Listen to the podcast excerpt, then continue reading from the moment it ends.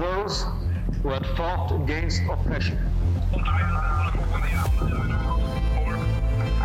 By all who have sacrificed themselves. When called upon to take part in the effort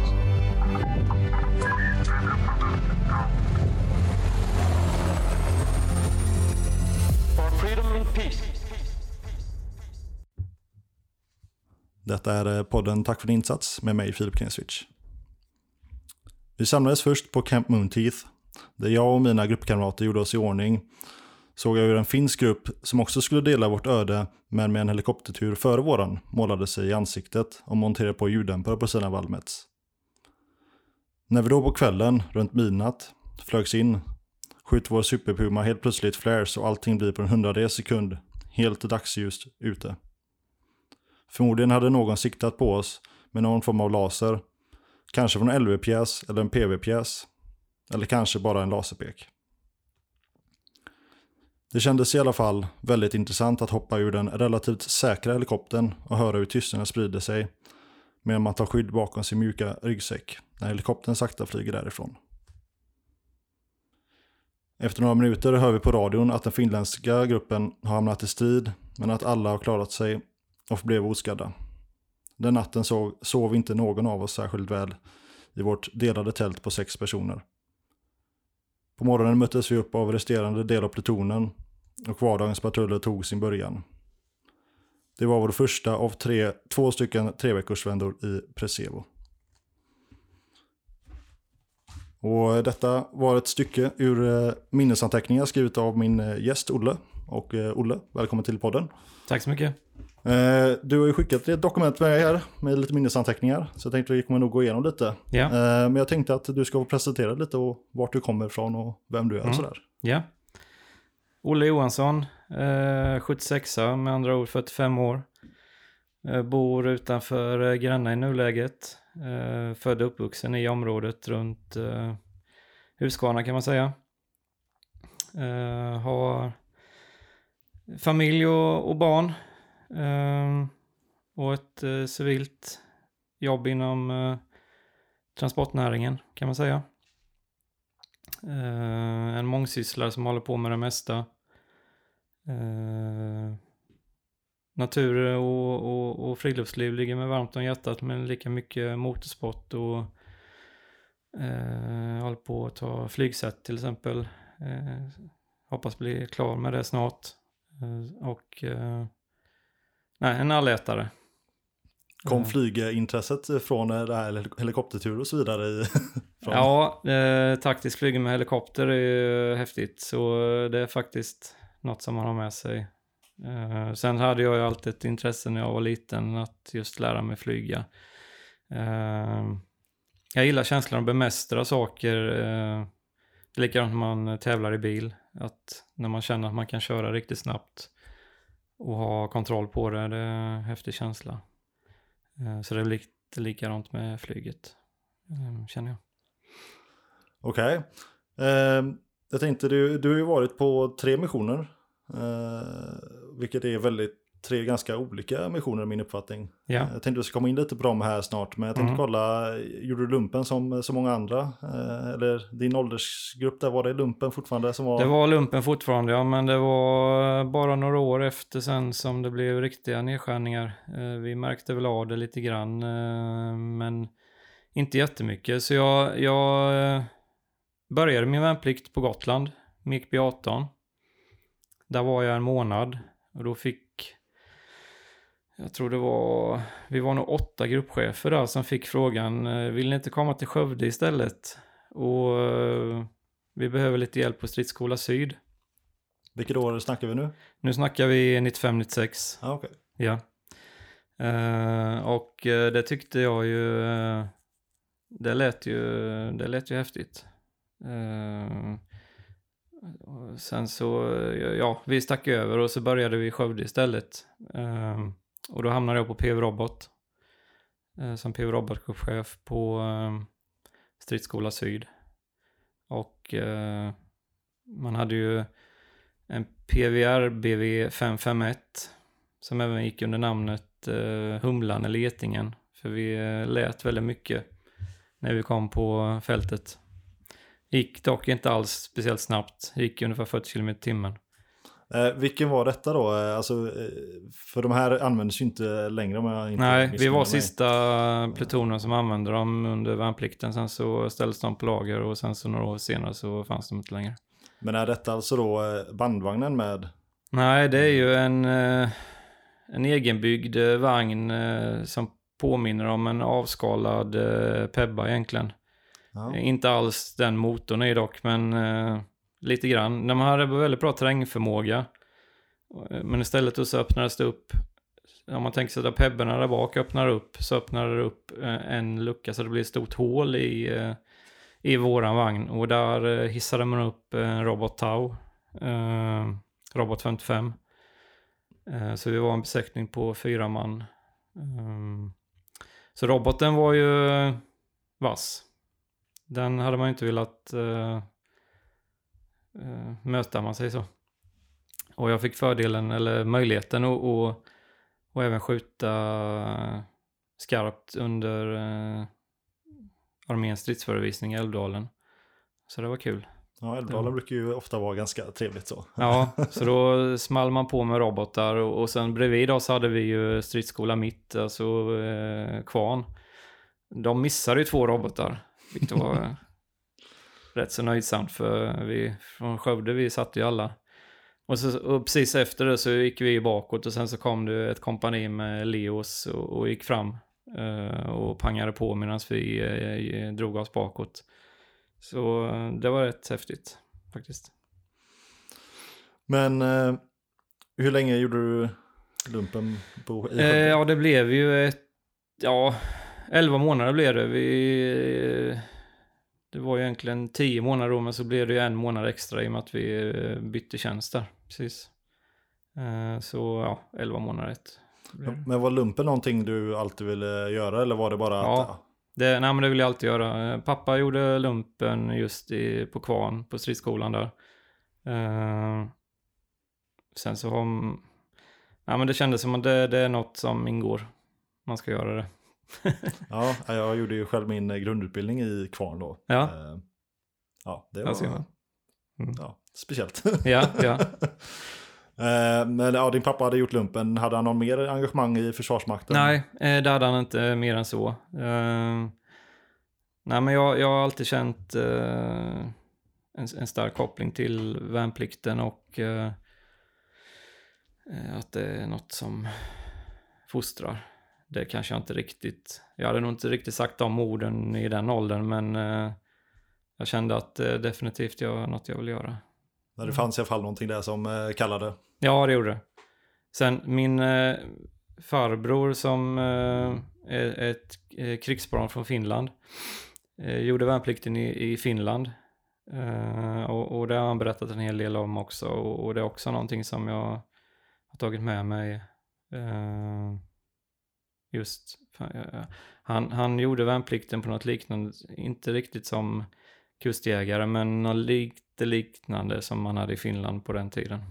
Och eh, vad berättade han från det liksom? Eller vad var det som var? Nej, men det, var, att det var det, är kärvt? något, det är något som är bra. Kärvt, ja, ja det var det. Eh, men ändå väldigt bra. Fostrande.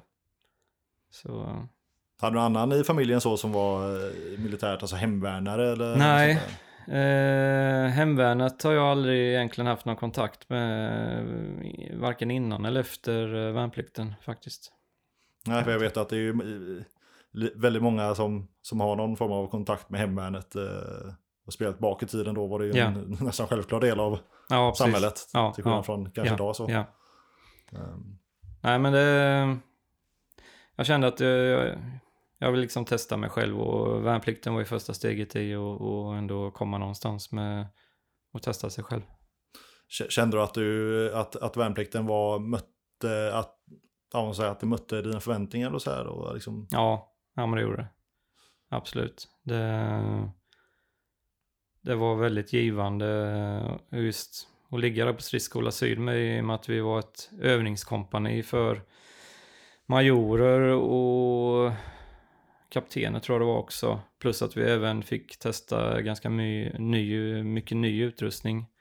Så uh, användes vi på ett väldigt bra sätt. Så Jag tänkte säga just i början av 90-talet där, även om det var ganska mycket nedskärningar så var det också ganska mycket ny materiel va? Alltså det Ja, slussades precis. ut gamla eh, kalla krigskvantiteter mot lite nyare Alltså själva uniformen M90 började ju komma in ordentligt då. Vi hade ju M90, sen hade vi M59P som våran vagnsuniform eh, fortfarande. Men så hade vi ju även 90 och AK5 hade vi ju. Eh, den hade väl i sig funnits några år då, men eh,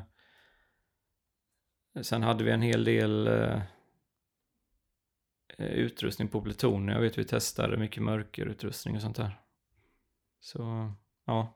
Ja, lite, lite speciellt då, lite mer spännande kanske Ja, än ja. vissa annan. Ja, ja men absolut. Och sen så fick vi ofta besök från utländska ehm, försvarsmakter. Eh, så man fick ju ofta en möjlighet att, berätta om eh, svenska för, försvaret och just PV-robot, vad vi sysslade med. Det kunde vara någon överstelöjtnant eller general ifrån något land som kom på besök och då kom de ofta till stridsskolan.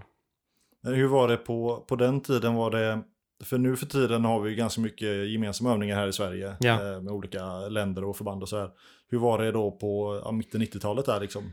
Inte, vi hade nog egentligen inget gemensamt med någon, något, nej det hade vi inte. Vi gjorde aldrig någon övning med någon annat land faktiskt. Det gjorde vi inte. Jag tänker, eh, vi kommer gå in på dina missioner sen här, men Ja. jag tänker eh, 95 sa du värnplikten. Ja, Eh, Då var ju Bosnien-konflikten i, i full, ja full patte där. Ja, ja. Vad, hur gick snacket på i eran lumpagrupp och så här och var det snack om att åka ner eller? Ja men det var det ju. eh, Nästan alla pratade om att de eh, skulle skriva på och åka ner och eh, jag och några till gjorde det eh, och skickade in papperna men eh, det hände aldrig någonting med det faktiskt. Eh, Så eh, just Bosnien eh, kom jag aldrig till. Eh, Jag kom ju till andra ställen på Balkan istället men eh, ja. Så- Ja, det fanns ändå redan där en vilja att egentligen åka iväg. Ja, På. ja absolut. Det gjorde det. Men eh, vad, hur blev då vägen sen efter, efter värnplikten? Vad, vad hände sen? Nej, men sen kom jag ju tillbaka till, till vardagen och, och, och jobbade på eh, släktföretaget eh, Frukt och gröntgrossist eh, här utanför Huskvarna. Ehm, så jag jobbade, började jobba på lagret där. Plocka i ordning frukt och, och köra ut till kunder. Ehm, men sen så ganska snart så eh, fick jag även möjlighet att ta lastbilskort eh, civilt då. Och då eh, gjorde jag det genom en sån här komvuxutbildning. Det var typ tre månaders utbildning eller något. Så helt plötsligt hade jag lastbilskort och det gjorde ju att jag, ja, jag fick ju mer uppgifter på civila arbetet. Men sen samtidigt så hade jag ju något som är ganska åtråvärt i eh, utlandstjänstgöring och det är tung eh, förarbehörighet. Eh, så då dök det ju upp, jag, jag, jag hade ju lite koll på de olika missionerna som de sökte folk till och så dök det ju upp eh, Makedonien då.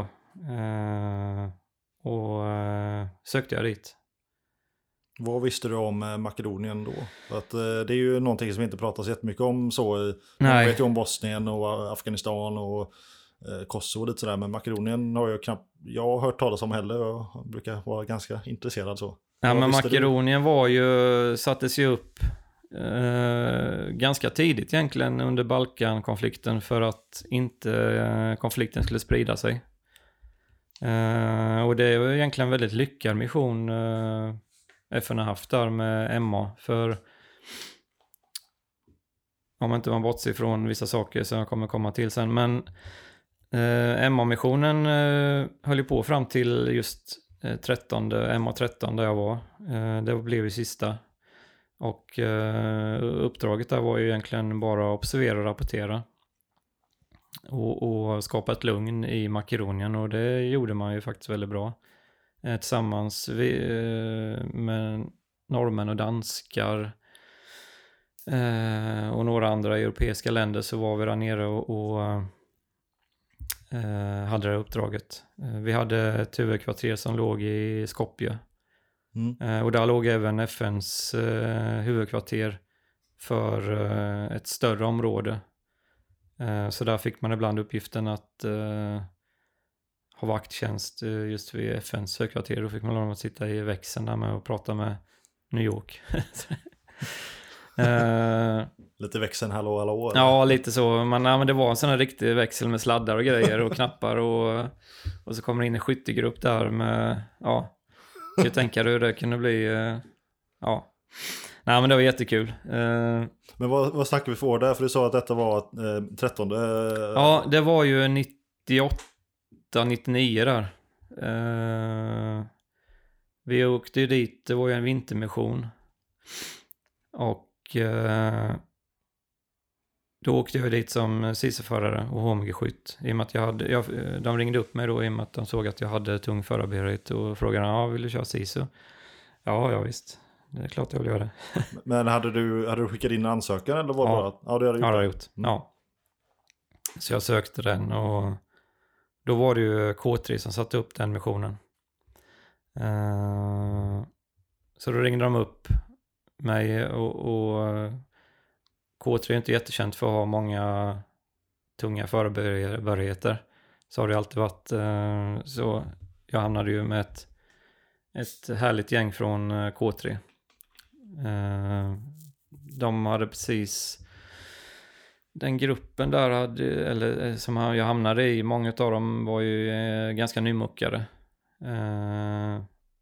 Riktigt bra killar. En av dem som, eh, han som var gruppchef i den gruppen, eh, vi har fortfarande väldigt bra kontakt. Han bor i Kanada nu men vi är ändå eh, fortfarande vänner. Eh, så, Jag, jag tänker där, för, för detta var ju då alltså typ fyra år eller något sånt efter du hade gjort värnplikten eller? Tre, fyra år.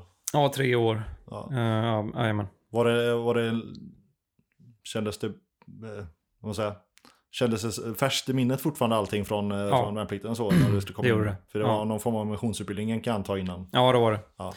Eh, nej, men det, man, man var ganska snabbt inne i det. Det var inte, det kändes som att man, det tog några dagar egentligen, så var man tillbaka i det om man säger så, fastän det var så pass många år emellan där. Eh, så det var ju mycket fokus på, eh, eh, för min del, SIS-utbildningen och HMG-utbildningen då. Eh, 12,7an. Eh, och det är ju den, när jag säger SISU så är det ju, det är ju den första generationen Patria.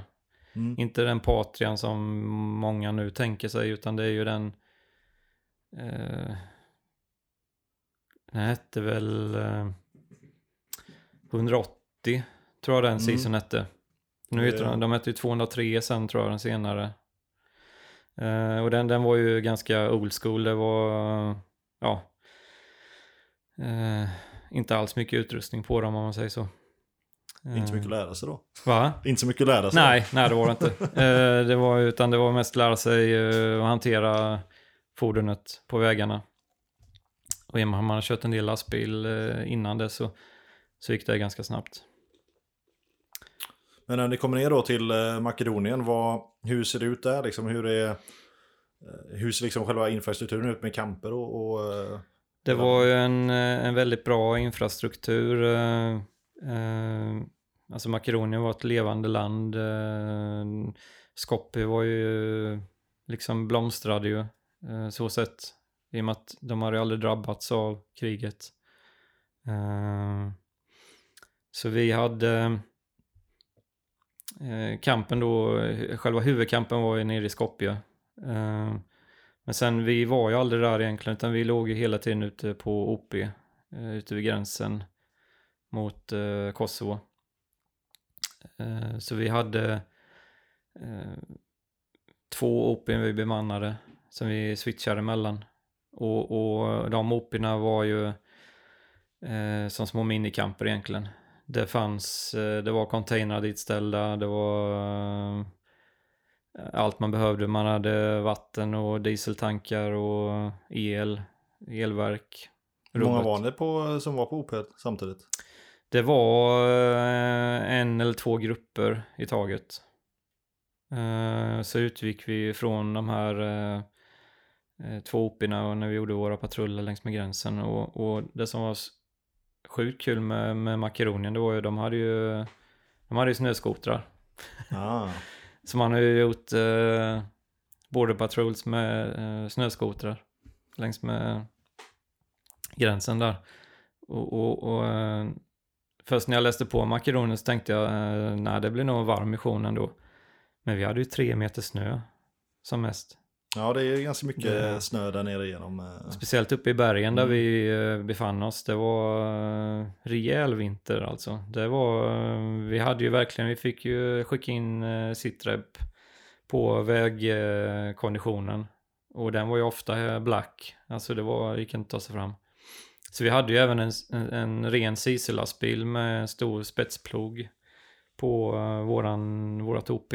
Som vi bemannade väldigt ofta får bara röja vägar. Uh, Så det var ju väldigt, en väldigt allsidig mission. Uh, Mycket fokus på att rapportera och patrullera och bara synas. Fanns inga oroligheter egentligen.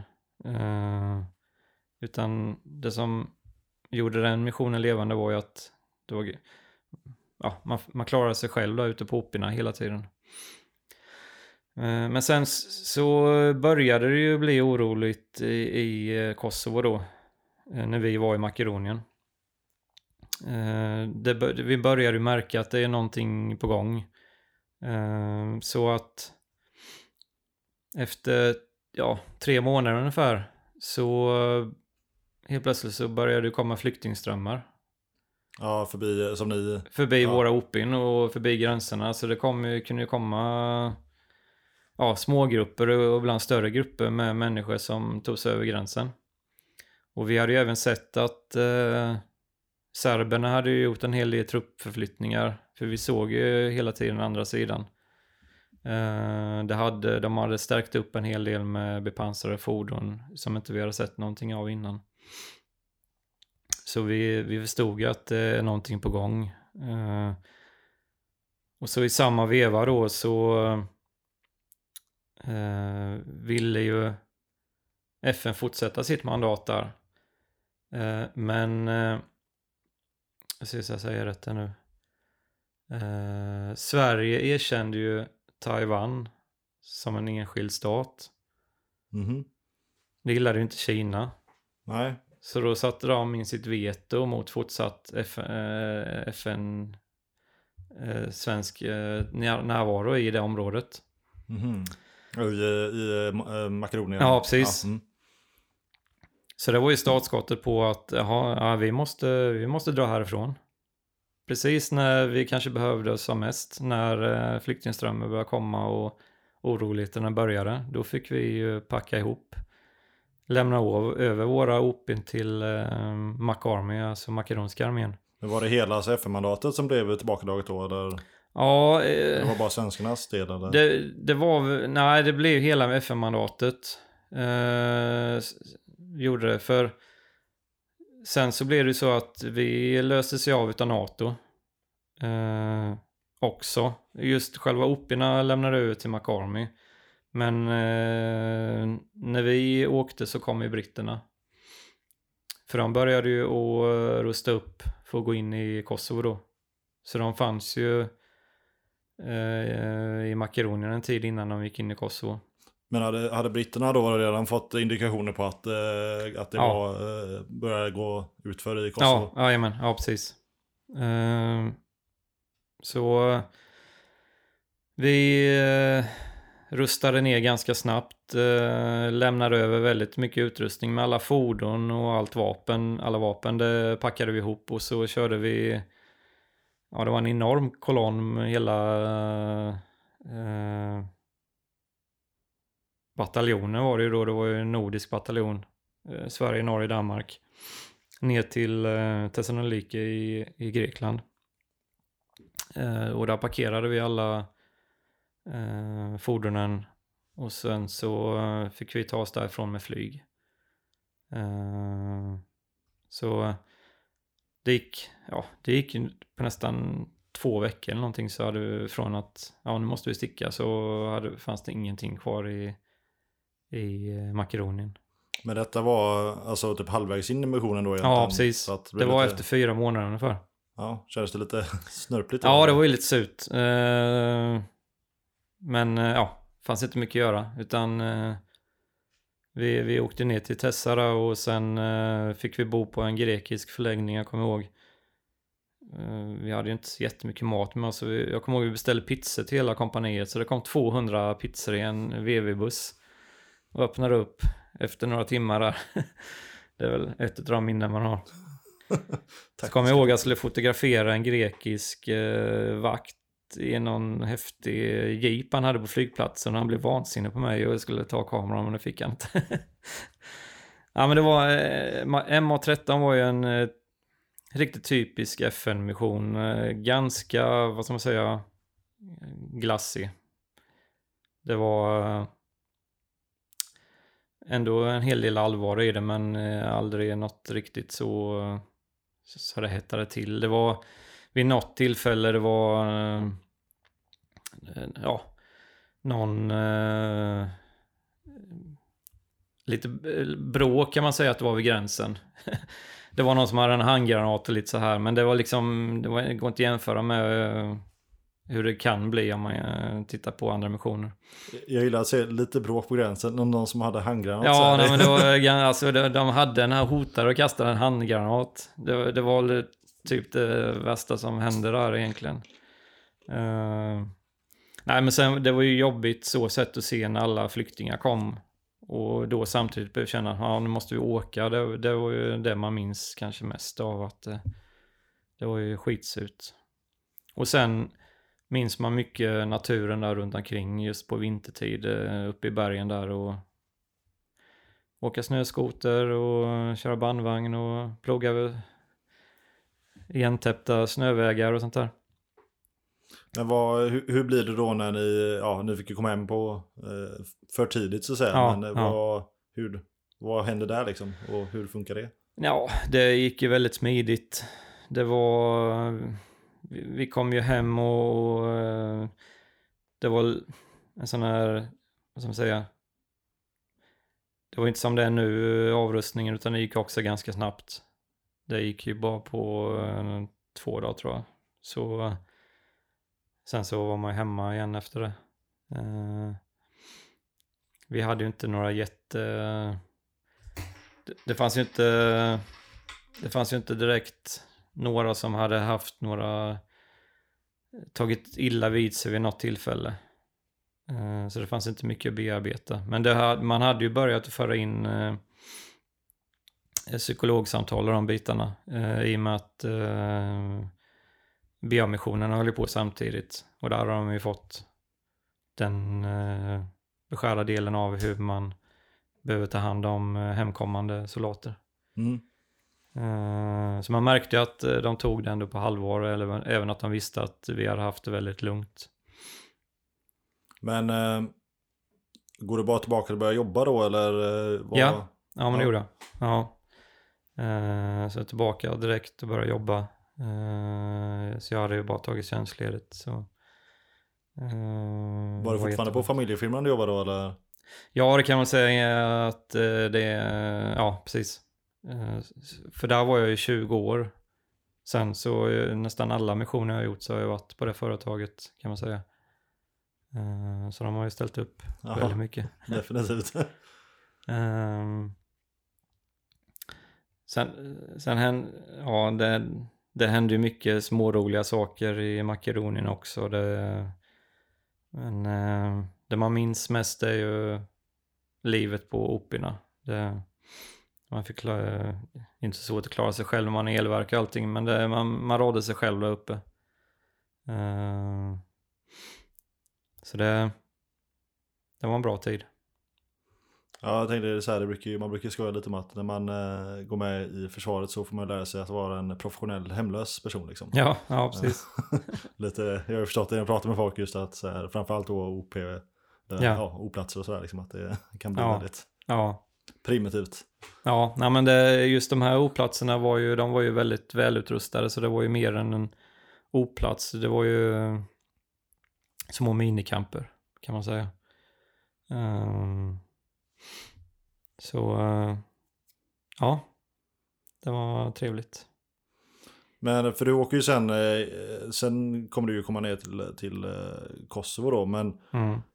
perioden från att du kom hem från Makedonien då till att du sen åker nästa, vad, vad snackar vi? Att, hur lång tid är det och vad, vad är det som, känner du att du inte är färdig med missionslivet? Ja, precis. Nej, men det är, ju kna, det är ju ungefär ett år blir det väl. Ett och ett halvt kanske. Eller ja, ett år tills jag får klart att jag ska åka. Nej, men då... Eh, nästan direkt när vi kom hem så eh, hade ju... Eh, jag ser när det blir.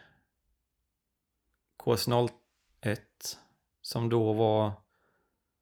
Jag har dålig koll på de här insatsförbanden som fanns i beredskap där. Om det var delar av ett beredskapsförband som åkte ner med KS01 eh, nästan direkt efter vi hade kommit hem eh, till eh, Pristina. Det kan ha varit så. Eh, men i alla fall, eh, då, då blev det i alla fall möjligt att söka till Kosovo och då sökte jag ju eh, i stort sett direkt. Eller det gick nog ett halvår eller något sånt. Så det var ungefär lagom att när det var rekrytering till KS03 så, så eh, blev jag uppringd utav eh, en löjtnant där som eh, frågade om jag kunde köra SISU. Ja, jag kan köra SISU. Den har Ja, gjort det bra den utbildningen här. Ja, precis. Så ja, men då, då hänger de med oss. Vi, vi, vi är en granatkastarpluton. Eh, från AMF, eh, AMF 4 är det väl Göteborg va? Eh, blir jag, Mm. ja, AMF i Göteborg i alla fall. Kommer de här från de här jepparna som eh, eh, då har legat på GRK och de eh, min gruppchef och Steff hade varit nere på 01 så de hade ju bra koll på läget. Eh, riktigt drivna GRK eh, besättningar eller GRK-chefer. Så då var det ju en grupp på sex stycken som jag ingick i. En ren granatkastargrupp. Eh, och, och själva kompaniet som hette Sierra Lima eh, var ju halvt skytte, halvt GRK. Så det var en pluton skytte och en pluton GRK. Eh, och ja, eh, kommer inte exakt ihåg datum och sånt här men vi kom ju ner på eh, sensommaren eh, under 00. Eh, alltså två, eh, ja sen, sensommaren 00 var det. Vad visste ni om, om konflikten då? Ja men då hade vi ju ganska bra koll på den för då, då var vi ju ändå tredje missionen där nere. Eh, så 01 hade ju hunnit komma ner. De hade hunnit bygga upp i stort sett hela kampen så den var ju färdig. Eh, så det var ju skönt att komma ner till eh, ja, en, en mission som hade varit igång i ungefär ett år. Eh, logistik och infrastruktur och den biten fanns ju på plats. Eh, så vi kunde ju direkt börja fokusera på lösa uppgift ute i, i byarna och i terrängen. Men vilka rapporter hade kommit hem då? Alltså när ni åkte, vad, vad var det man sa då? Och de som hade... Ja, nej, men det var ju fortfarande väldigt eh, bekymmersamt och oroligt. Eh, det var inte på något sätt säkert. Det var ju väldigt mycket terror eh, i, i Kosovo. Och det var ju serberna som kände sig eh, hotade där. Eh, så, så albanska, eller serbiska minoriteten hade ju vissa enklaver eller småbyar de bodde i. Eh, och så hade ju en stor befolkning som var albaner. Eh, och sen fanns ju även då UCK, alltså albanska gerillan, och de rörde sig väldigt mycket mellan gränserna. Eh, så man, man skapade ju en, en linje längs med hela gränsen mot Serbien som var en eh, ja, non-fighting. Eh, det, det, liksom, ingen fick befinna sig där egentligen. Ja, det är ingenmansland typ. Ja, ingenmansland, ja kan man säga. Och, och, så den gick längs med hela gränsen. Eh, sen fanns det vissa gränsövergångar som, som vi hade eh, inte ansvar för, men vi, vi hade eh, ibland ansvar för bland annat eh, eskorten utav eh, befolkningen från våra enklaver till Serbien. Det hette Nisseexpressen. Eh, och eh, där var det ju ett fruktansvärt attentat eh, vid ett tillfälle. De, de sprängde en av de här bussarna. Eh, som, som vi eh, eskorterade. Vid det tillfället så var vi hemma på liv. Vi, vi har lånat ut våran SIS till eh, vakt skott som var med på den i skotten. Så vi fick ju höra om det på nyheterna när vi var hemma då. Eh, Men det var ju väldigt många civila som strök med och det var ju en, en, en klassisk eh, vägbomb eh, i en eh, eh vägtrumma. Eh, och så var det en eh, tråd upp en kilometer bort till ett skogsbryn ungefär. Där de hade smält den här bussen då. Ehm, och det var andra sprängningar också. Det hände ju mycket sånt. Det var, Men vad var det, vilka låg bakom de här då? Vet det var ju? UCK. Det var albanska gerillan som låg Okej. bakom det. Ehm,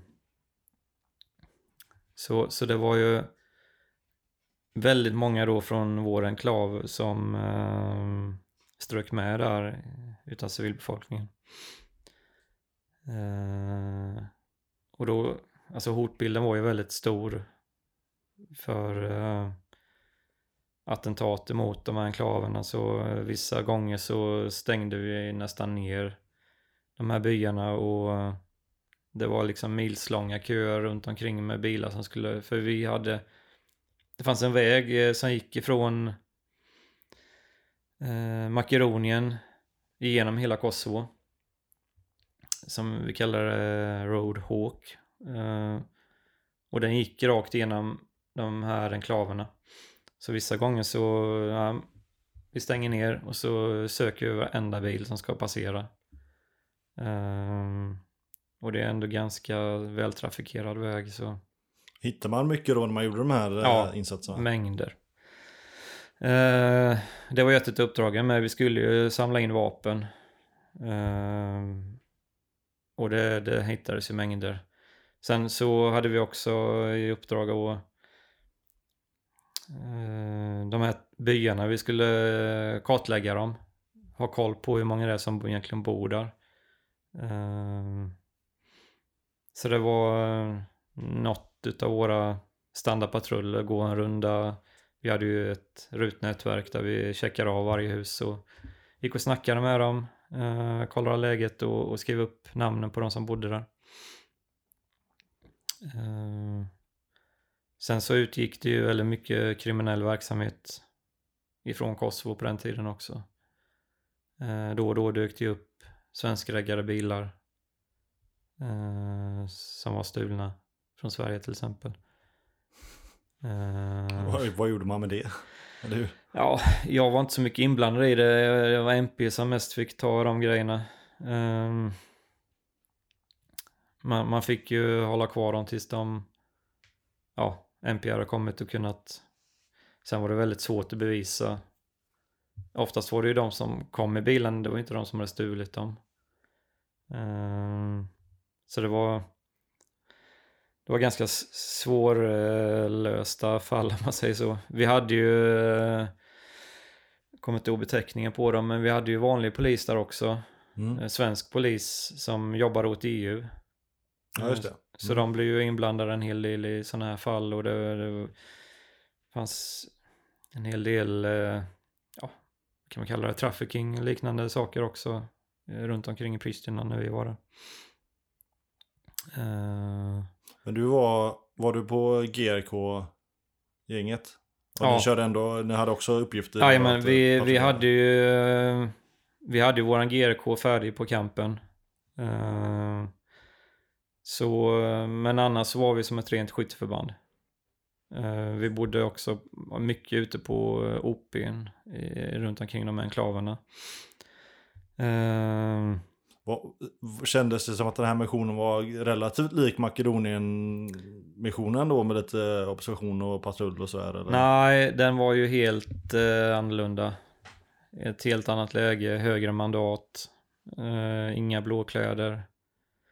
Eh, man var, mm, det hände mer och man var mer på sin vakt. Eh, mycket mer kontakt med befolkningen hade man ju och man hade ju mycket mer indikationer på att det kommer hända saker. Eh, Hur, hur eh, uppfattades ni av lokalbefolkningen så? Nej men eh, serberna som vi hade runt omkring oss där eh, var ju väldigt glada att vi var där. Eh, så, och det var ju egentligen de vi hade mest kontakt med. Eh, de albaner som skulle passera igenom var inte så glada på oss ofta.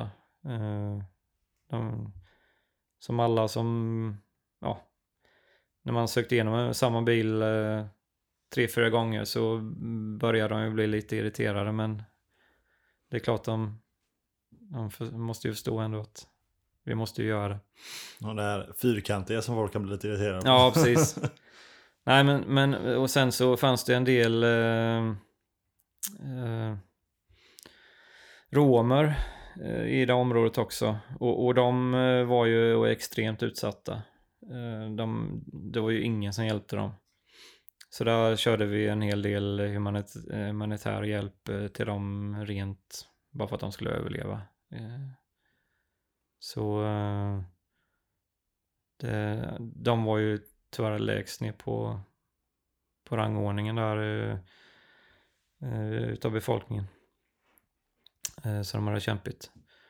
Eh, sen i eh, detta område, vi hade rätt mycket britter. Vi hade en brittisk pluton bland annat som bodde på Camp Victoria utanför Pristina där vi höll till. Eh, sen hade vi ju tyskar runt omkring oss. Eh, vi hade ryssar. Amerikanarna hade ju byggt sin stora camp Bondstil. Flyttat eh, stor del av sin tyska camp till Bondstil. Som de, jag tror, har arrenderat på 100 år. Nu är det väl 80 år då, för det var ju 20 år sedan Mm. ungefär. Eh, så det är ju, Bondstil är ju en camp på en area på en gång en mil, något sånt. Vi var där några, ganska många gånger och åt god mat och kollade på bio och så. De är ju kända för att ha det ganska bra på sina camper och sådär. Ja, helt sanslöst. De, de kan det här, de, har- de har varit med förr. Ja, nej men det... Jag vet inte, kolla det, vad, hur mycket samarbete var det mellan olika nationer? För det var ändå eh, en drös olika nationer. Ja. Hade alla samma sorts uppgift eller var det väldigt uppdelat? Eller? Ja, men vi hade ungefär samma sorts uppgift. Eh, Vi samarbetade ju mycket med britter och eh, norrmän. Var det väl i huvudsak. Eh, ja, lite grann med amerikanerna men inte alls mycket egentligen. Eh, de, eh, vi gjorde väl mest, vad ska man säga, vi gjorde en del saker som inte de ville göra. Vi kommer till det sen senare i, i berättelsen tror jag, beroende på hur mycket vi läser i. Ja. Nej, men det vi, eh, när vi sen senare kom till Presevo så, vi, så, så kan jag ta den berättelsen. Mm. Eh, men det, det var eh, det var väldigt mycket folk nere, alltså jag tror vi var ju runt 50 000 i Kosovo vid den tiden. Så det var ju väldigt eh, många fötter på marken. Men för finnarna var där nere också? Ja, finnarna var det, ja precis. Och de hade vi en hel del att göra med, ja precis. Det stämmer ju, det glömde jag ju bort. Ja, för de är ändå lite nordiska kamrater så här, så tänker Ja. jag, var det närmare samarbete med dem eller? Ja, men det var det ju. Eh, Så de, de, eh, när vi var ute i terrängen så var det ju eh, finnarna och britterna vi umgicks mest med. Det stämmer. Eh, och sen... Eh, ja, men då, vi, vi bodde ju mycket, vi hade ju vår, vårat, vi hade ju rum kan man säga på Camp Victoria. Eh, vi bodde ju någonting som heter eh, Mupphuset. Eh, det var ju en militär, gamla militär, militärpolisens anläggning eh, i Pristina som vi bodde. Så vi bodde ju, vi hade ju väldigt bra när vi bodde inne på campen. Sen var vi inte där mycket men vi hade bra förutsättningar och det var en bra uppbyggd kamp. Uh, uh, sen, sen löste vi våra uppgifter utifrån opierna och vi satt inte mycket kampvakter eller liknande utan det, vi var mest ute och rörde på oss. Uh, skulle vi öva med GRK så stack vi ner till Makedonien. För det gjorde vi vid ett tillfälle. Så då körde vi faktiskt ner till Makedonien och bara få eh, få upp färdigheten lite igen på eh, själva GRK-tjänsten så att man tappar den. Jag vet inte, vi ska läsa lite stycken om eh, operation eh, Traf, vad heter den? Trafalgar. Trafalgar. Ja. eh, lite stycke här. Vårt uppdrag var eh, att få slut på striderna som pågick mellan albansk gerilla och, ma och makedonska armén och upp upprätthålla gränserna. Strax efter klockan 16 den 29 mars 2001 anlände vi med våra granatkastare tillsammans med delar ur stab och trosspluton till vårt nya fältläger utanför byn Goranche. Eh, några kilometer från makedonska gränsen. I luften hängde spejande Apache-helikoptrar som en påminnelse om att det var bara några timmar tidigare hade varit eh, granatbeskjutning mot den kosovoalbanska byn eh, Krivenic, eller Krivenik, eh, Eh, där fem civila dog och 15 skadades. Makedonien hävdade att det var albansk grilla som skjutit medan grillans talesman hävdade motsatsen. Eftersom vi hade varit i Kosovo nästan ett halvår eh, var vi rätt luttrade och började genast bedriva fotpatruller i området för att visa att svenskarna hade kommit. Följande natt skulle vi komma att skriva historia då vi tillsammans med brittiska bandhaubitsar markerade för grillarna att KFOR var på plats med massivt eldöppnande längs gränsen mot Makedonien. Massmedieintresset var stort och alla stora bolag som till exempel BBC och CNN var på plats. Själv var jag med i ett fem minuter långt reportage som Bert Sundström från Rapport gjorde. Eh, och det visar, har du visat till mig. Ja, precis.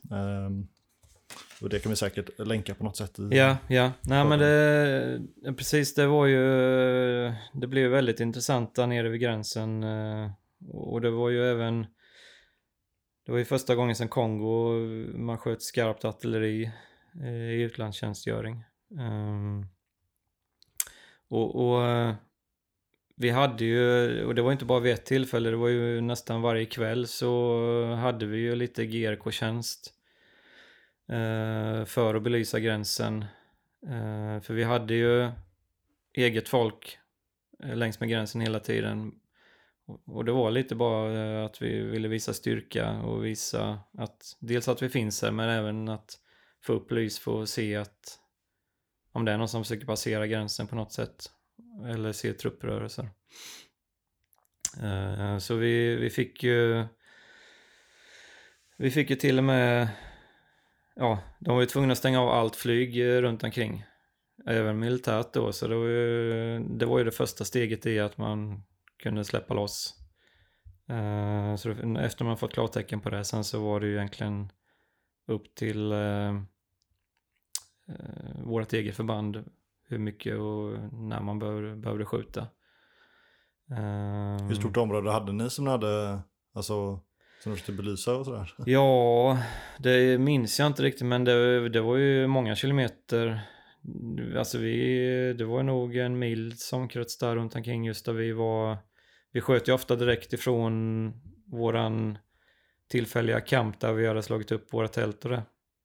Eh, emellanåt så fick vi dra oss därifrån för att kunna nå till andra ställen då. För vad, är, vad är räckvidden? På, på ja, jag, det är länge sedan jag har på med GRK nu, det är 20 år sedan. Så jag är tveksam.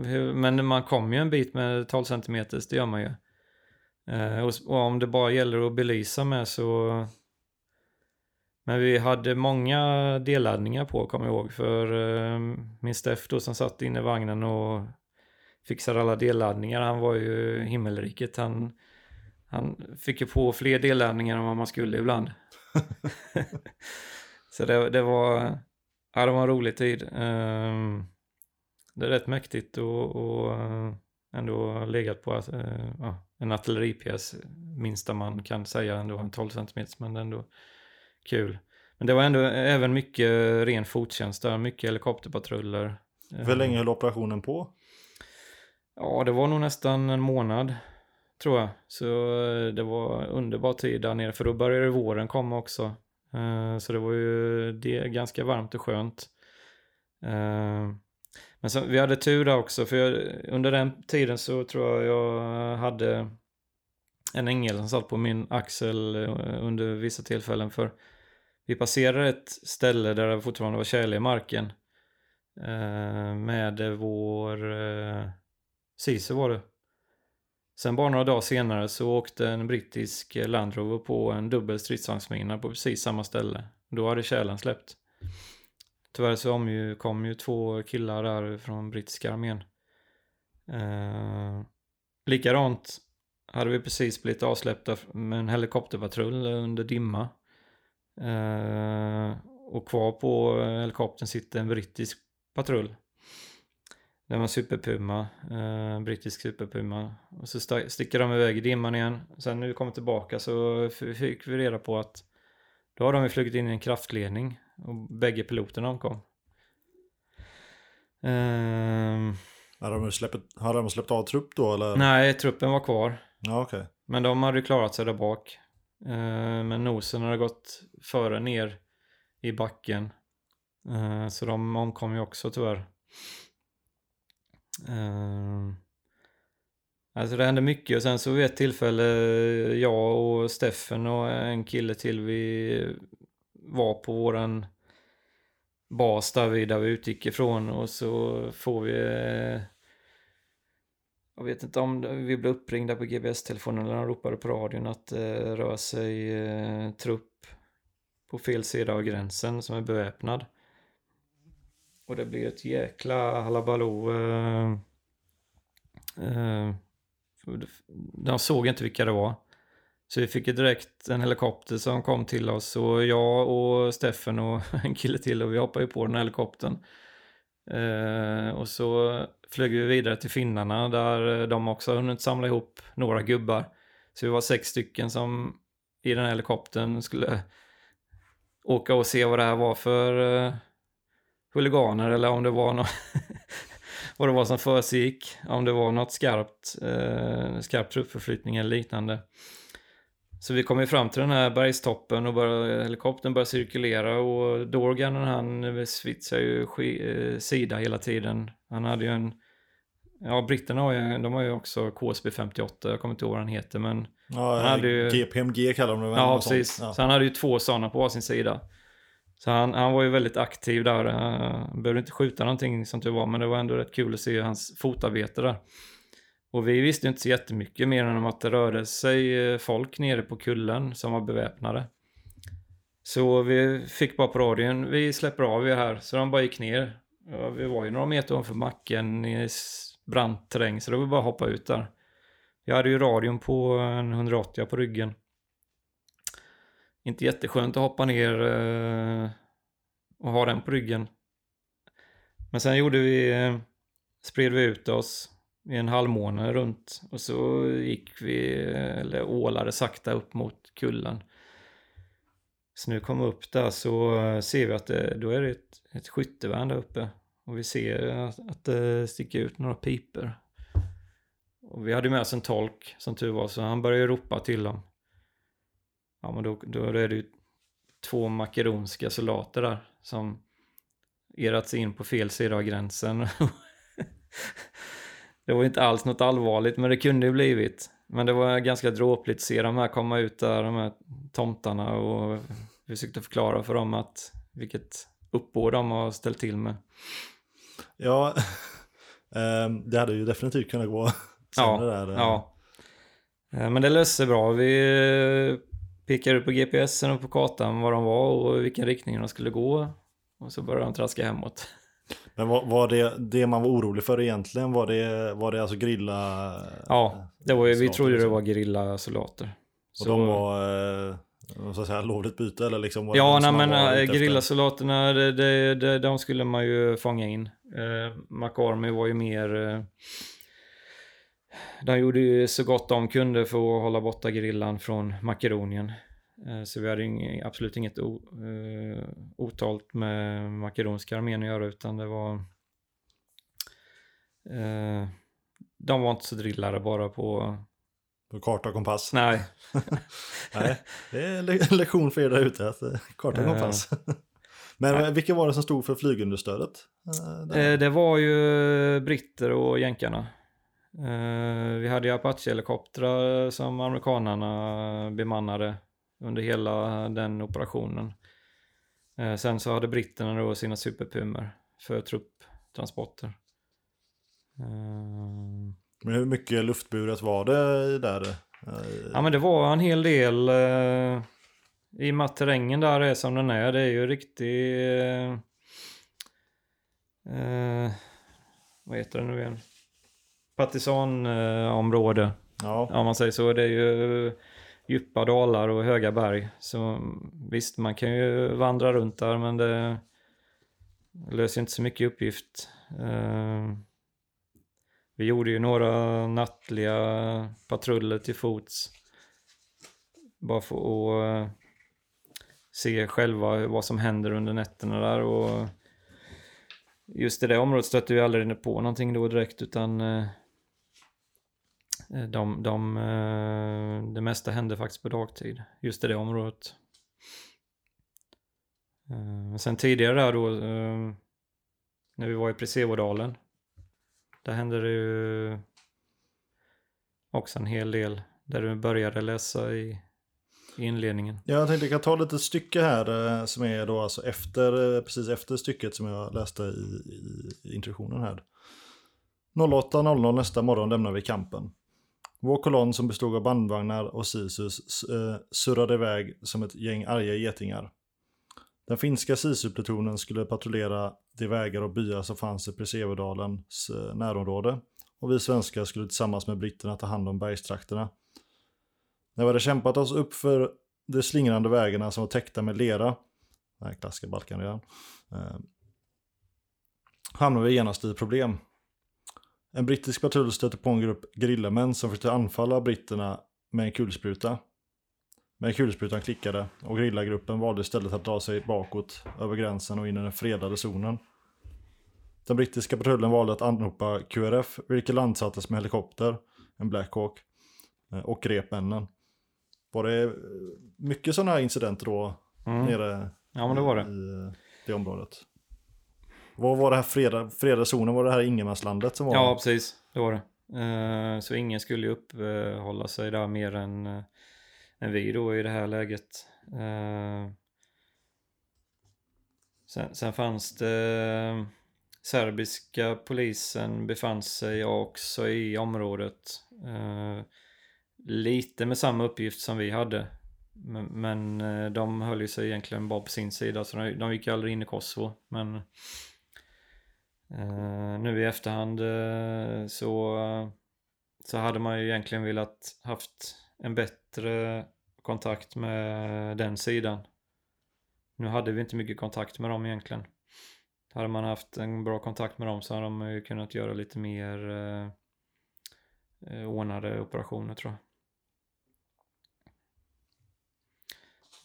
Men det, det hände ju som sagt var saker direkt när vi kom till Presevodalen och eh, eh, vi, vi gjorde ju eh, många rätt långa patruller i området. Eh, både med bandvagn och utan bandvagn. Eh, jag kommer ihåg bland annat en natt så, så hade vi bandvagn med oss och då kan det nog ha hänt att eh, han som läste kartan hos oss läste lite fel för då hamnade vi nog inte där vi skulle egentligen. Men Det, nej, vi kommer nog in lite på serbiska sidan för det, vägarna går ju liksom om vartannat och man kör ju bara på vägarna i, i de områdena. För det går inte att köra utanför det är så pass brant. Så vi, vi passerade Serbien så kom vi in i Kosovo igen och, och där eh, var det nog vi om det var vi eller dem, men vi en SAS-grupp vi stötte på där från, från SAS då, britterna. Eh, som hade någon egen operation. Eh, men bandvagnarna, det var ju ganska mycket prat om vad vi skulle ha för fordon med oss upp dit. Till Preservedalen? Ja, precis. För de ville samtidigt att vi skulle ha något slags av skydd. Eh, så jag tror vi lastade om eh, tre gånger innan det bestämdes att vi skulle ha bandvagnarna. För vi hade ju på gruppen tillgång till både SIS, PBV och bandvagn. Ja, bandvagn 206 då? Ja, precis.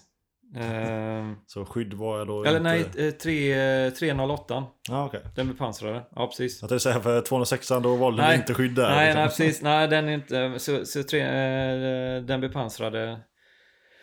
Men den är samtidigt väldigt tung. Så den gick ju väldigt hårt åt där uppe för den eh, fick ju gå vid de här branta bergsvägarna och oftast i, lite i sidled så gummibanden tog ju riktigt mycket stryk. Vi... Ja, det står ju, du skrev lite här också att eh, ett problem som vi inte hade räknat med var, eh, var drivbanden på bandvagnar.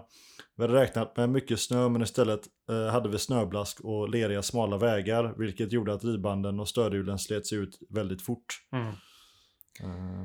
Precis, så uh, repgruppchefen där, uh, Elisdal, han gjorde ju sånt jättejobb. Han låg ju och skruvade bandvagn där ute i terränglådan i flera veckor. Låter underbart. Det var, uh, och vid något tillfälle så hade vi faktiskt bara en bandvagn som var, som fungerade. Hur många hade ni totalt?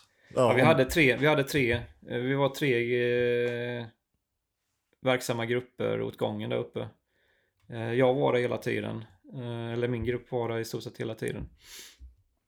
Eh, men, men i och med att alltså själva bandvagnarna fungerade, det var just att vi var tvungna att se till så att vi alltid hade en eller två bandvagnar igång med banden. Så vi bytte ju band emellan och höll på.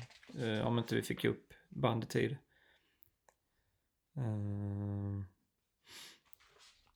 Så där i Presevo låg vi i lite större, kommer inte ihåg vad de tälten heter, de är ju lite, det är mer sjukvårdstält kan man nog säga och så hade vi ändå en kamin inne där så vi, vi bodde ändå ganska så okej. Okay. Um, ja, den här tillfälliga kamp som hade gjort då? Ja, kamp och kamp. Det var tältförläggning kan man säga tillsammans med britterna då. Det var ju British eh, kommando. Det, det var ju um, en kommandostyrka de hade där britterna. Eh, ganska snäva killar. Eh, eh och, så vi hade en utav deras signalister i våran grupp. Eh, den stackaren han, han, han satt ju inne i ett tält, jag tror i två, tre veckor nonstop och bara pratade radio. Ehm, um, nej, sen var det ju många uh, patruller där vi uh, opererade med dolt. Eh, så dolt en GRK-grupp kan verka men vi har ju ingen, ja vad ska man säga, underrättelsegrupp som var ute och eh, löste uppgift. Men vi, vi försökte att vid vissa tillfällen hålla en rätt så låg eh, profil. Det glömde jag säga förresten, direkt när vi också kom fram till eh, Presevo så gjorde vi eh, en dagspatrull och eh, kompanichefen och Steffen var med i vagnen och jag stod som skytt, kommer jag ihåg. Och så åker vi på den här vägen, kommer vi fram till som ett, en björkdunge. Ja, där hänger en död ko 10 meter upp i ett träd, eller 5 meter upp i ett träd var det nog. Okej. Okay.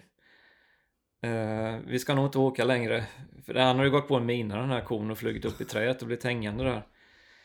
Så eh, vi backade i samma spår tillbaka och så eh, EOD som också var med som fortfarande var kvar i tältförläggningen åkte ut och, och eh, rekade den vägen men det var det enda som fanns där som tur var. Så en kon hade tagit en mina där? Kon hade tagit en mina där. Ja. Sådär. Eh, Väldigt eh, udda bild. ja, och jag har ingen bild på det, det är det som är så sjukt. Jag har bilder på ganska mycket annat, men den här kon eh, fick jag inte sinnesnärvaro att ta en bild på. För med stor chock. Det är ju svårt att... Ja, de, de som har varit ute förstår ju att, att det är sant, för de vet ju själva, det kan ju hända sådana bisarra saker, men när man sitter hemma och berättar för någon civilist så undrar man ju om någon tror på en. Tänkte vi ska ta lite det här eh, om lite inkognito då. Du har skrivit lite stycke här om när ni, eh, eh, vilket jag också tycker är ganska lustigt. Att slå läger i mörker är alltid intressant. På natten ser allt annorlunda ut. En svacka kan vara en kulle, några träd kan vara en buske, en buske kan vara en soldat. Att slå läger i mörker är, alltid, eh, är lika med ljud och ljusdisciplin. En ficklampa kan ses på flera kilometers håll och ljud kan färdas långt i bergen. Efter vi säkrat platsen för vår, vårt nya läger och satte ut vaktposter kunde några av oss få sova några timmar. Vi brukade använda oss av ett vaktschema som bestod av två timmar vakt följt av två timmar beredskap. Eh, man kunde sova då men man var tvungen att vara stridsberedd. Och sedan hade man två timmar sömn. Under beredskapstiden och sömnen skulle man också hinna med vapenvård, äta, göra sina behov. Dagarna gick och det verkade inte vara någon eh, aktivitet i området. Sista natten låg jag i sovsäcken under bar himmel istället för att sova i tältet och hittade en bekväm sovställning mellan några stenar. Efter någon timme vaknade jag till eh, av att jag var inbäddad i snö. Det hade kommit ett lätt snöfall som täckte allt. Jag tog mig ur sovsäcken och anslöt, eh, anslöt till vaktpatrullen. De närmaste timmarna skulle bli riktigt spännande. Det var sista dagen och vi skulle röja vår observationspost och bli avlösta av en annan grupp som skulle ta över. Vi var nu tre stycken som vaknade och, ob- och observerade vägen. Vi visste att den nya gruppen skulle komma i en bandvagn. Eh, så när vi hörde ett fordon närma sig eh, det första på tre dagar så tänkte vi att det var bandvagnen. Men när vi tittade ner i dalen såg vi att det var en rysk militärjeep. Eh, då blev vi riktigt misstänksamma. Nu gick allting väldigt snabbt. Vi rusade ner och intog försvarsställningar. Jag låg en slänt på dalsidan av den snötäckta lervägen och de andra två tog eh, översidan. Bilen närmade sig och jag anser att det fanns två till fyra personer i fordonet. På grund av den dåliga vägen kunde jeepen inte köra mer än 10 eller 20 km i timmen. När bilen var 10 meter från vår position steg jag upp på väg med min AK5 riktad mot vindrutan på jeepen. Bilen stannade genast. Min gruppchef gick in bakom bilen och skrek att de hade vapen. Vi fick ut männen ur bilen och de fick lägga sig på marken så vi kunde dra buntband runt deras händer. Efter det genomsökte vi dem och deras bil och det vi hittade var AK47 med ammunition. Under tiden hade eh, resten av vår grupp vaknat och det kommit ner, eh, ner i de kläder de hade för på sig. När vi var färdiga kom den andra gruppen med sin bandvagn och vi kunde transportera våra fångar till en amerikansk camp nere i dalen.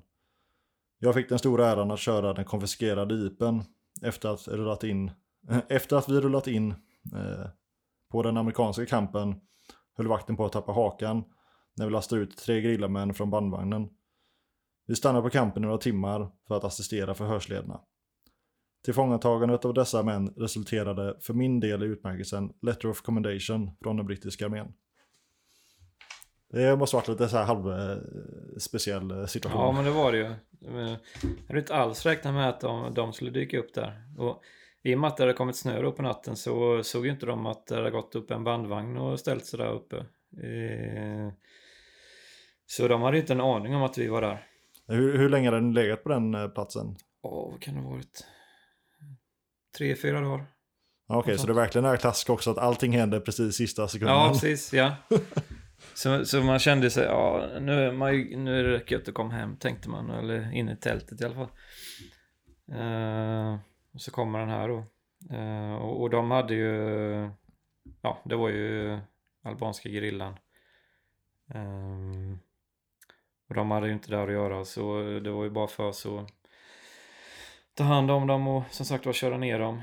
Och, och jag glömmer aldrig minen när när vi, för vi hade lite eh, Amerikanarna som var i området där var inte så jättesnäva. Eh, De var eh,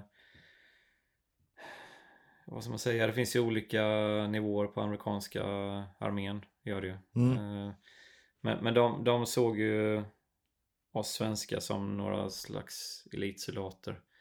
Vi hade ju snöblusar på oss och en grupp som vi då kommer med både AG, PSG och alltihopa.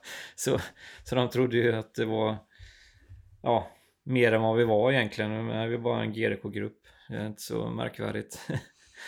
Jag delar då- lite där också att svenskar just är lite allt i allo väldigt Ja, många precis. soldater. Liksom. Ja, ja. Så det var inte så konstigt tyckte vi. Men, men de tyckte det var eh, extremt eh, snävt att vi fått tag i de här. För de eh, ja, rörde sig inte i det området överhuvudtaget. Ibland så är amerikanerna extremt framåt. Och ibland så är de då extremt Eh, tillbakahållna. Och det var de i det här fallet. Så de eh, fick inte röra sig i området. Där hade de order på. Ehm, så det, det dök till och med upp någon sån här eh, artikel i Washington Post där det stod the Swedish Army doing what US Army not dare to do. Eller något Ah. sånt där. Det, ja, det såg inte alls bra ut för amerikaner i alla fall. Och- det, det läste ju de, så de tittade ju lite snett på oss. Men de förstod ju också innebörden att det är mycket politik också. Men dessa, dessa grillamän, så här, hur, hur, hur uppträdde de och hur, hur klädde de, alltså hur klädde de sig? De hade ju lite så halvmilitäriska kläder på sig. Inte jätteuppsnäppta om man säger så. Det var... De visste ju hur man skulle hålla ett vapen såg man ju men eh, inte mycket mer än så. Det... Sen nu i efterhand så jag har ju aldrig tagit hans sida så sett. Jag förstår ju också varför albanska grillan gjorde det de gjorde men eh, det var vårt uppdrag då i alla fall att de inte skulle eskalera och det, det gjorde vi i det här fallet då genom att, att ta hand om dem. Eh, och sen så blev de ju förhörda utav uh, amerikanare där nere på campen och sen släpptes ju de. Eh, och så var det en uh, SAS-grupp som följde efter dem för att se vad de sysslade med. De är, Alltså om spanarna på dem då? Ja. Ja. Eh, Och jag tror faktiskt att det resulterade i eh, ännu eh, vad ska man säga, mer värdefull information. Eh, hur, hur var det där när, när ni stoppade dem? Eh, Ja, alltså ett vapen riktar mot den och så här, det, Ja. det säger sitt, men hur, hur kommunicerade du med dem? Eller var det bara tyst? nej, det var, det var ganska tyst. Mer än, alltså de förstod ju direkt. För jag gick ju upp på vägen och, och eh, får man ett vapen riktat rakt in i vindrutan. Eh, jag, kommer, jag kommer faktiskt inte exakt ihåg, men jag, jag tror jag måste ju ha sagt någonting. Jag skrek nog någonting att de skulle gå ut. Och sen samtidigt såg de ju, jag hade ju gruppchefen som kom upp bakom bilen. Och sen hade vi en kille då som stod vid sidan av bilen, så de, kände, de var ju helt omringade. Eh, så jag tror att de öppnade nog dörren och liksom bara visade händerna. Eh, och då efter det så kunde vi förklara för dem att eh, eh, lämna kvar vapnen i bilen och ta sig ut och lägga sig ner. Eh, Kommunicera på engelska då eller? Ja, det gjorde vi. Ja, det gjorde vi. Så, det gick väldigt lugnt till, men det hade ju kunnat gå åt helt fel håll om man säger så. De kanske hade sett en möjlighet att skjuta sig därifrån. Eh, så det var ju skönt att eh, ja, man var ju inte pucktvåa där eh, i alla fall. Man, Nej, Sen var det kanske skönt att vara lite balkande också så de inte kunde gasa på heller. Ja, nej, precis. Nej, de kom ju ingenstans. Det var ju verkligen, eh, ja, någon decimeter snö ovanpå den här leran med och så var det ju, de fick ju, hade full sjå att ta sig fram. Eh, det var lite kul att köra ner den här jeepen sen också. Den, eh, den skulle man kanske försöka hitta igen. Tagit hand om. Ja, det finns nog ganska mycket i gamla öststater att hitta någon sån. Ja. Nej men den var, den var bra för ändamålet tror jag, för han tog sig fram väldigt bra. Nej men det, det var eh, väldigt intressant och det var väldigt kul. eh, eh, få den ja, utmärkelsen om man säger så från, från britterna. Det var en brittisk ledd eh, operation så det var därför eh, det blev så. Eh, det var jag och så var det gruppchefen och sen så var det, jag tror att han eh, repgruppchefen även fick för hans jobb med bandvagnarna. Mm. Sen, sen efter detta så var det ju ganska lugnt igen och sen eh, så skulle vi dra oss därifrån från Presevo. Och då stannade min grupp kvar där ytterligare några dagar. Eh, gömda i en lada. Eh, bara för att se ifall det kom tillbaka någon verksamhet i området. Eh, så vi, vi, innan alla åkte därifrån så eh, gjorde vi en ordentlig helikopterplats eh, precis utanför så att vi kunde få in en QRF snabbt om det behövdes. Eh, men det hände ingenting mer i, i det läget. Ehm. Men det, det är spännande terräng att vara i. Eh, det är samtidigt väldigt vackert. Ehm, faktiskt. Jag tänkte på ehm, eh, under tiden ni är där och gör lite olika operationer som där, hur, hur, hur de andra trupperna, alltså britterna och sådär, hur deras del av operationerna, hur ser den ut? Eh, får de någon form av stridskontakt eller får de någon form av eh, Nej, fångar? Eller? De, eh, de, hade de gjorde precis samma saker som vi egentligen. De gjorde, vi hade ju våra patrullslingor och vi, det fanns ju en del... Så, så britterna hade egentligen samma uppgifter men de stötte inte på någonting direkt, det gjorde de inte. Um, men sen eh, en grej som jag kom på nu, i det området så fanns det också en liten by. Eh, som vi... Eh, vi, ja, vi skulle åka dit och prata med dem. Kolla läget. Eh, den låg precis vid gränsen. Uh, så nu kommer in där det kan vara en by på kanske ja, 5, 6, 7 hus och en kyrka eller någonting sånt. Så är den ju helt öde. Eh, och man ser ju att eh, avlatsas väldigt mycket skott runt omkring här i byn då. Och för kyrkan var ju helt... Ja, den var inte sönderskjuten utav eh, finkalibrell men det var väldigt mycket eh, Eh, skottsalvor i, både invändigt och ute i kyrkan. Och sen hittade vi ganska mycket nygrävna värn eh, runt den här byn också. Men vi fick faktiskt, vi, det fanns ingen kvar här. Alla hade stuckit därifrån. Eh, så vi hade väldigt svårt att eh, riktigt greppa om vad som hade hänt där. Vi, vi, vi letade ju efter eh, eh ifall det fanns någon grav eller massgravar runt omkring i närheten. Eh, men vi hittade ingenting sånt heller så förhoppningsvis så, så har de här byborna lämnat huset och sen så har det väl kommit in eh, om det nu var serber eller albanska grillar eller någonting och, och bara haft söndagsnöje för att skjuta hoppas vi. För eh, vi såg heller inga, inget, inga tecken på att någon hade blivit avrättad eh, i byn. Så... Men det var lite kusligt att komma in i en by så det var helt öde. Ja, man tänkte vet vad som mm. väntar. Där. väntar. Ja, precis. Så vi, vi, vi kollade igenom en del av husen bara för att se. Men allting var ju öppet och vi vill samtidigt inte röra oss för mycket i, i, i det sammanhanget med tanke på eh, miner och liknande. Eh, Har det varit någon looting eller alltså någon nej. stöld och så? Nej. nej.